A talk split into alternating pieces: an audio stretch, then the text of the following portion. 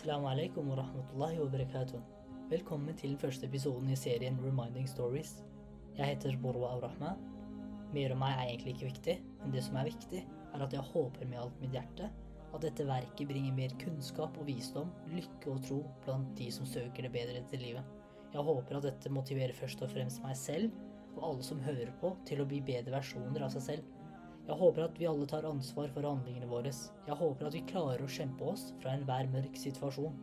At vi alltid ser lyset på den andre siden av tunnelen.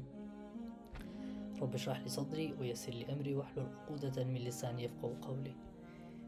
Den første episoden starter jeg opp med en liten hadith som jeg har lært mye av, og som har påvirket meg utrolig mye. Jeg håper dette her også påvirker dere og lærer dere mer. Ifølge en sahih hadith, altså hadith qudsi, på autoritet av Abu Huraira, må alle være fornøyd med han, så sa han at Allahs sendebud, profeten sallallahu alaihi wasallam, sa Allah subhanahu wa ta'ala vil på dommens dag ha en samtale med mennesket. Og Adams sønn, jeg ba deg om mat, men du ga meg ikke. Så sier mennesket, ja Allah, hvordan skal jeg gi deg mat når du er verdens herre? Så sier Allah, visste du ikke at tjeneren min så og så ba deg om mat, men du ga dem ikke? Visste du ikke at hvis du hadde matet dem, ville du ha sikkert funnet belønningen for å gjøre det med meg? Så sier Allah, å Adams sønn, jeg ba deg å gi meg drikke, men du ga meg ikke noe drikke. Så svarer personen, Å min herre, hvordan skal jeg gi deg noe å drikke når du er verdens herre? Så sier Allah, subhanahu min tjener så og så ba deg om noe å drikke, og du ga dem ikke noe. Hadde du gitt dem noe å drikke, ville du sannelig ha funnet belønningen med meg. Subhanallah. Men så kommer den delen som har endret synet mitt på det å ha et stort hjerte for de som ligger syke. Dette her er veldig sterkt, og jeg håper folk kan få det med seg. Allah subhanahu wa ta'ala sier, Å Adams sønn, jeg ble syk, og du besøkte meg ikke. Så sier personen, Ja Allah, og hvordan skal jeg besøke deg når du er verdens herre?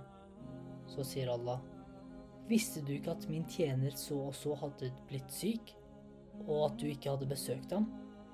Visste du ikke at hvis du hadde besøkt ham, ville du sannelig ha funnet meg hos ham? Subhanallah, funnet meg hos han. Dette i seg selv viser at vi må virkelig prøve vårt beste når det kommer til det å være der for dem som er syke.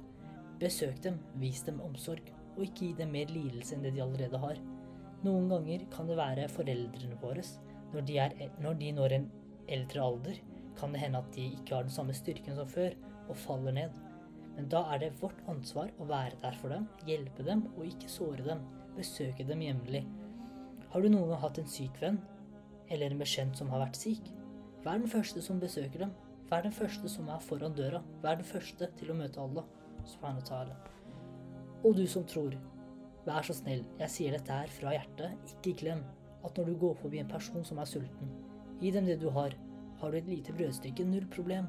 Del den i to, hver gavmild. Går du forbi en som virker tørst, ikke nøl med å dele vannet du har.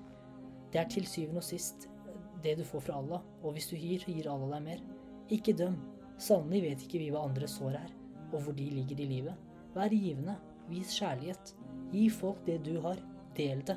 Sannelig er de som deler, blant de beste menneskene. Og vi ber om å være blant de gavmilde og omsorgsfulle, og at alle våre duaer blir akseptert i denne, ramad denne ramadan-måneden.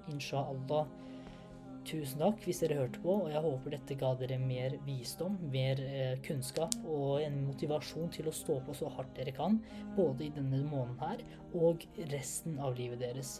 Wa alaikum assalam wa rahmatullahi wa barakatuh.